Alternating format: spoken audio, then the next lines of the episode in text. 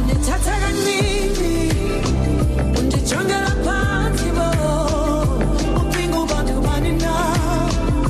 Ucinga uba ndubani na? Undithatha kancini ngamanye amazwi ngijwayela kwamakhekhe omsh- omshado yayikhumbula lelo tema ingabanjani omshado wona Yeah, oh.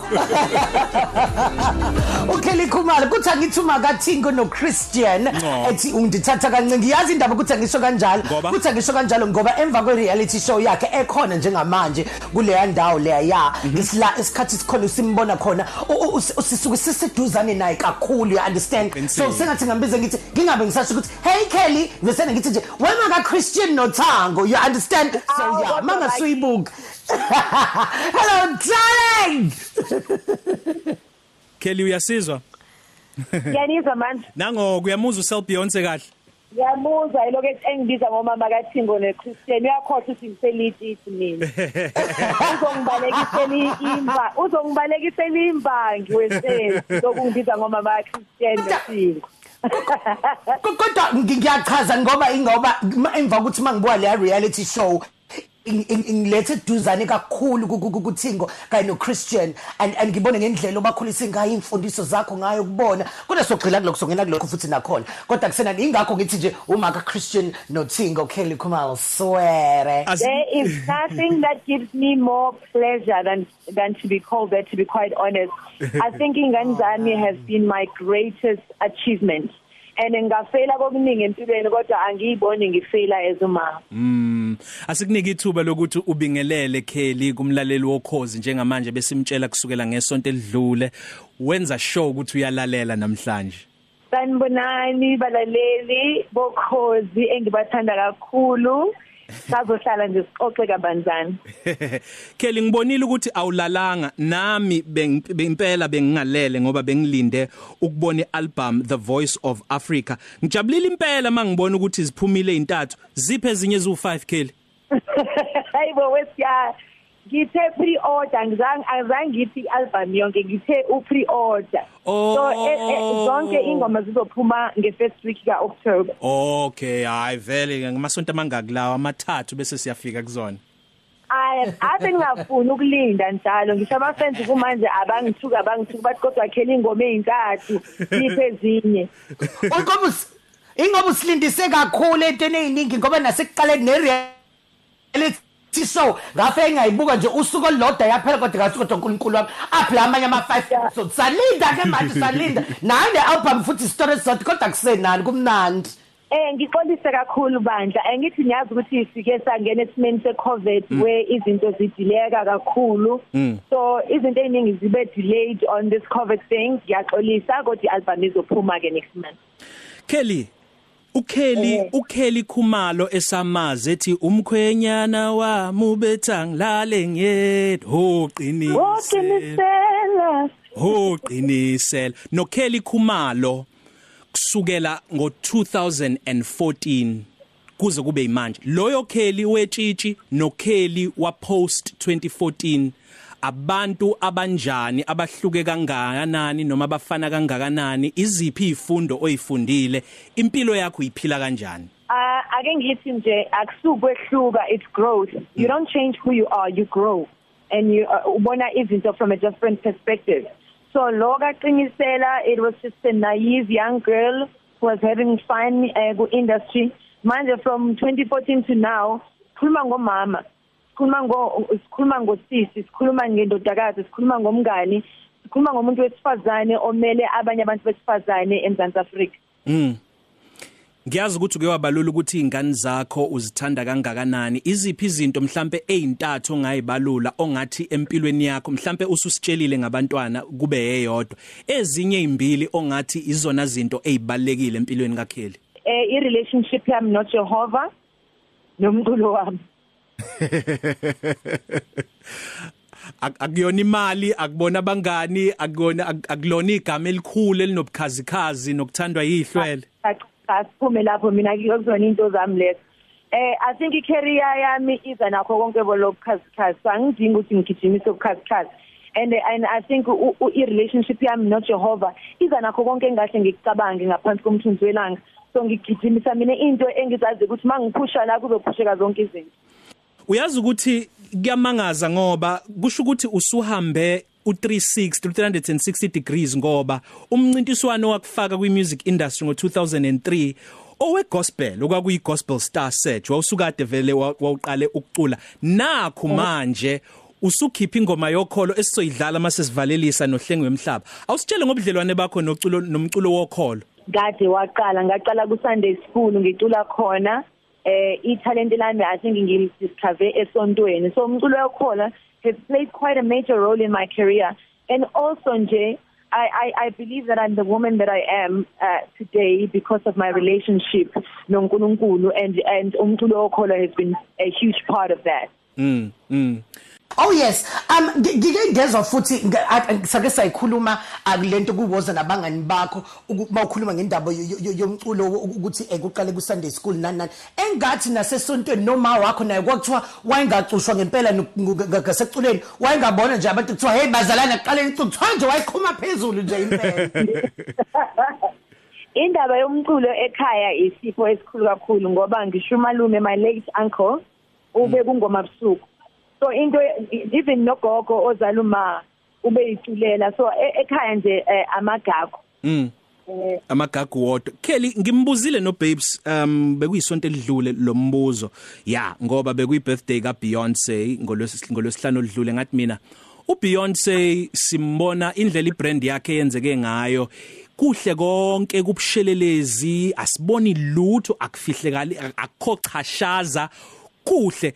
Uma ucabanga ukuphila kanjalo eh kumenza abe njani umuntu umese yedwa wena Kelly awunayo inkinga ukuveza ukucasuka kwakho kungenzeka ku social media kungenzeka kumabona kude kwi reality show yakho.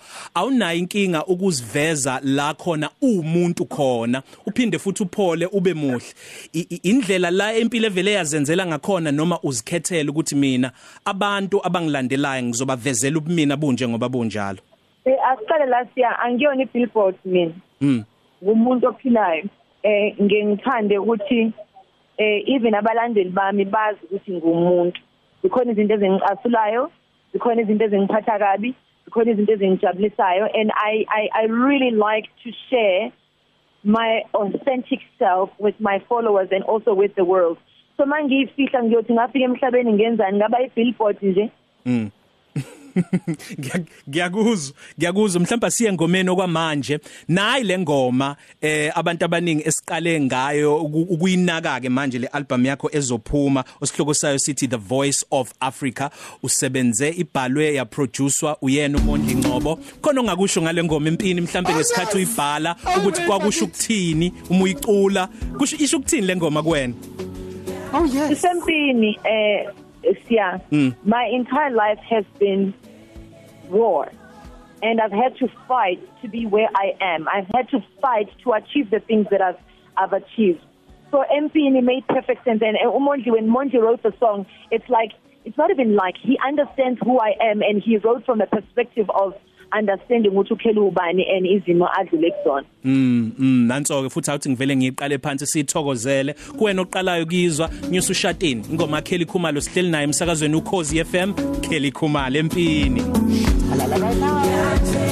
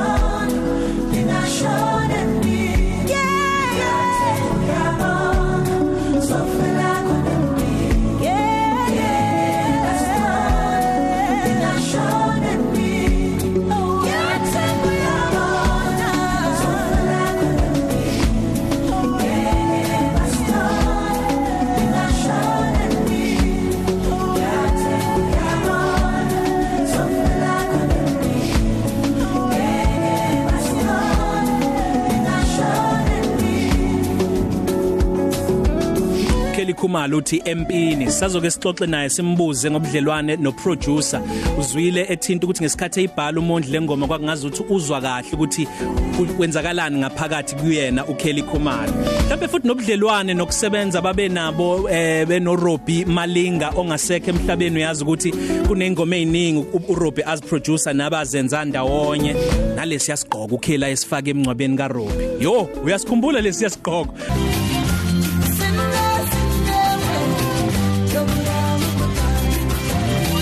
Khosi FM lihamba phambili. Indlovukazi ya ngiyamnika mina leso sicoco noma kanjani ngokwephimbo ungomunye wamaphimbo ahamba phambili eningizimu Afrika ngoba umnandi bephimbo lakhe. Makuthiwa kunyuke futhi uzokunyika uzokunyukela ukheli. Into engazi kahle mhlophe ma into engazi kahle mhlahla mhlophe mase ubuza abantu kuthiwa isho ama top 3 vocalists akhe South Africa. A- a- a- ku- njengoba kutshela uhleze khona ku top 3 wonke umuntu ngabuza list noma noma Yeah. wonke umuntu Noma wonke kanjani. umuntu. yeah. Noma yeah, kanjani. yeah. Kelly awakho ke amaphimbo amathatha ahamba phambili aseningizimu Afrika woba? Awe nazi nangibopha. Hayi umuntu kade kusho wena umuntu. Nawu no- Eh, nawu nombono ngizothi wakho. uBrenda Mtambo. Oh, umngani wakho vele. Ya? Ha ngo hayi ngoba kumnganami. Yasho le ntokazi Uyasho, Brenda. mina mina show me your friend show me your friends I'll show you mine. Yebo yebo. Eh bese ngithi eh uthembisile ntaka. Okay. Yebo yebo uthembisile yes. Eh uthembisile ntaka bese ngithi uthandiswa mazwayi thandiswa mazwai. Wow. Okay yeah yeah. ngiyayithanda leyo list. Kelly lengoma le yango 2014 ngale mhlambe kokuthi isilungu sithi address the elephant in the room ngizocela ukuthi sisebenzise lokho ukuthi zinqunywa amakhanda ziyekwe. Sikhuluma ngayo singakhulumi ngayo. Kodwa ukwaze kanjani ukuphila ungafi kuleminyaka eyisithupha edlule kuze kube manje? Lalela wesiyanga hambi ngedwa mina. People need to understand that. Yeah. Ngihamba noJehova ongithandayo onamandla phezu kwakho konke. Nginedlozi elifight ngendlela eyisimanga. Ngihamba not just idlozi nginamadlozi mina an entourage. So there was no way that anything that was set to destroy me would have destroyed me. I am that woman who does not i do not walk alone. Iyona ndlela nje usurvive ngoJehova? uJehova nabantu bakithi. Ubekusurvivisa kanjani? Ubekwenza kanjani uphile Kelly la khona? Ku Twitter abantu bekuzonda bekukhuluma amagama ongawathandi nawe futhi ubaphendule. Mhlasimpe ngiyayicabangela nje mawuhamba emall noma uyihambele emphakathini uhlangane nabantu bayikhulumela umathanda.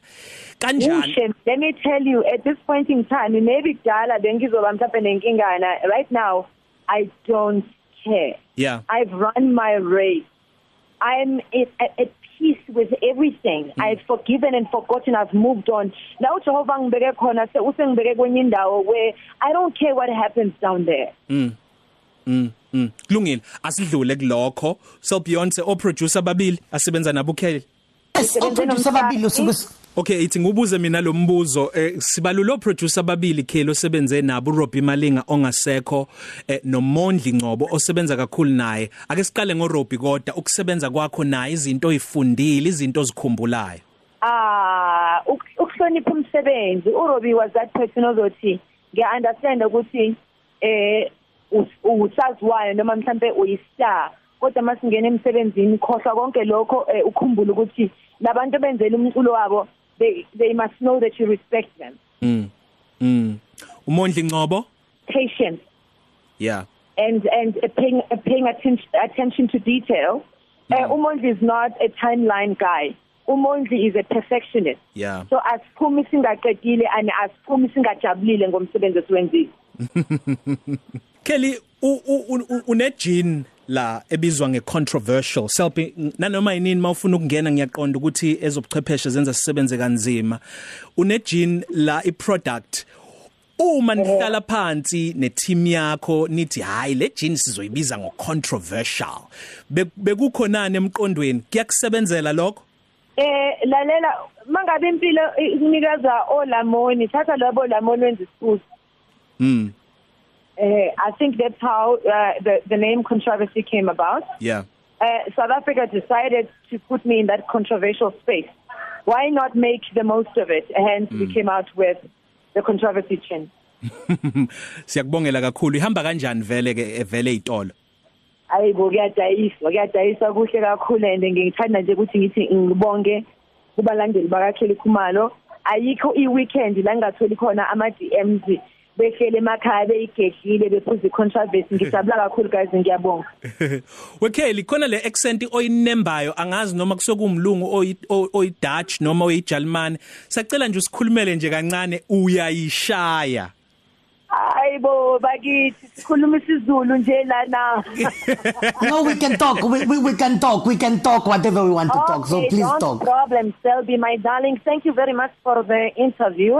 And uh, I just want to say thank you to also the, my followers. And uh, you know the album she's uh, going to coming out in October. And she's called uh, the Voice of Africa people should going and uh, getting for to the album okay? I love you. Kelly Kelly I love siyavalelisa you. Ngabuza uThemsile Mtaka lo bukade ukhuluma ngaye ukuthi sisi yindaba ungakusinikeza ialbum eyodwa yegospel? Wathi yo kuyodinga ngazi ukuthi sengiqedile ngokwasemhlabeni ngizilungiselele kusho ukuthi ngihlanzeke bese ke ngiyayicula. Wenza lalela wenza bengikhuluma ngaleyo nto leyo nohlengiwe Ehhe. bese ayibiza ngesitorotoro ngathi mina wehlengiwe ngoba phela ngiyawuthanda lo mculo be- kodwa nesitorotoro sami ngiyayithandela now that's why nginejini isitorotoro ngiyayithandela. Wathi hlengiwe kumina khohlwa ngendaba yesitorotoro kuJehova you come as you are. Yeah. So chances I will have an, uh, an album ye gospel. Chances not but ke sizobona ukuthi uJehova ungibekeleni eh, eh, in the future. Baningi abalaleli abakhuluma einkundleni zokuxhumana ba- ba- ba- bekuthumela amagama noma ilokothi ezinhle kuwena bek- bekhuluma ngeindaba enye nje ikhuluma ngo- e- iphuma kuyaya amavundla uthi kwaze kwamnandi ukukhoza inJehova uthi awe mawe siyano selfie kanye nawe Kelly. Yonke into esehlelele uKelly is preparing her for even a bigger seat on the table than she wow. Wow that's He so is. beautiful. Thank you.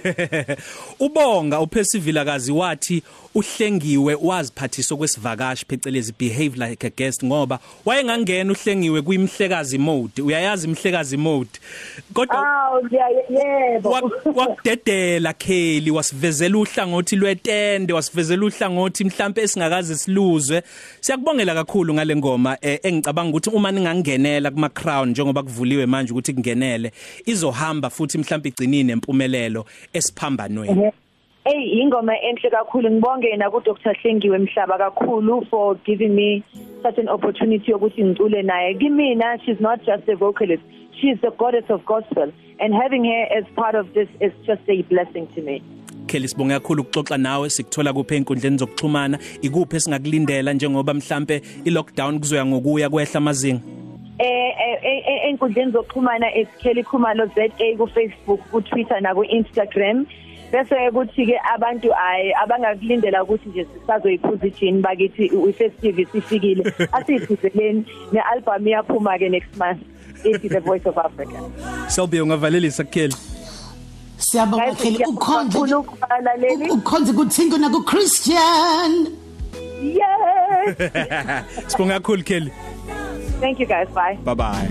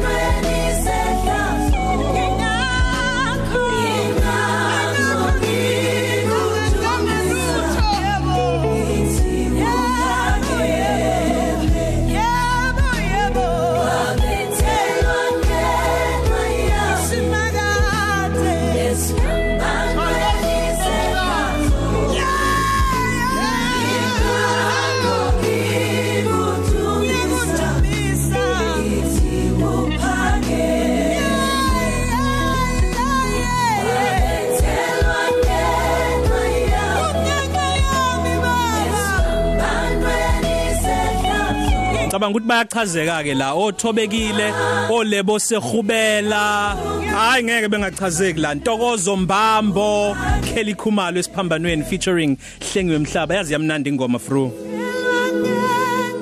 Quarter past to 3 Cafe.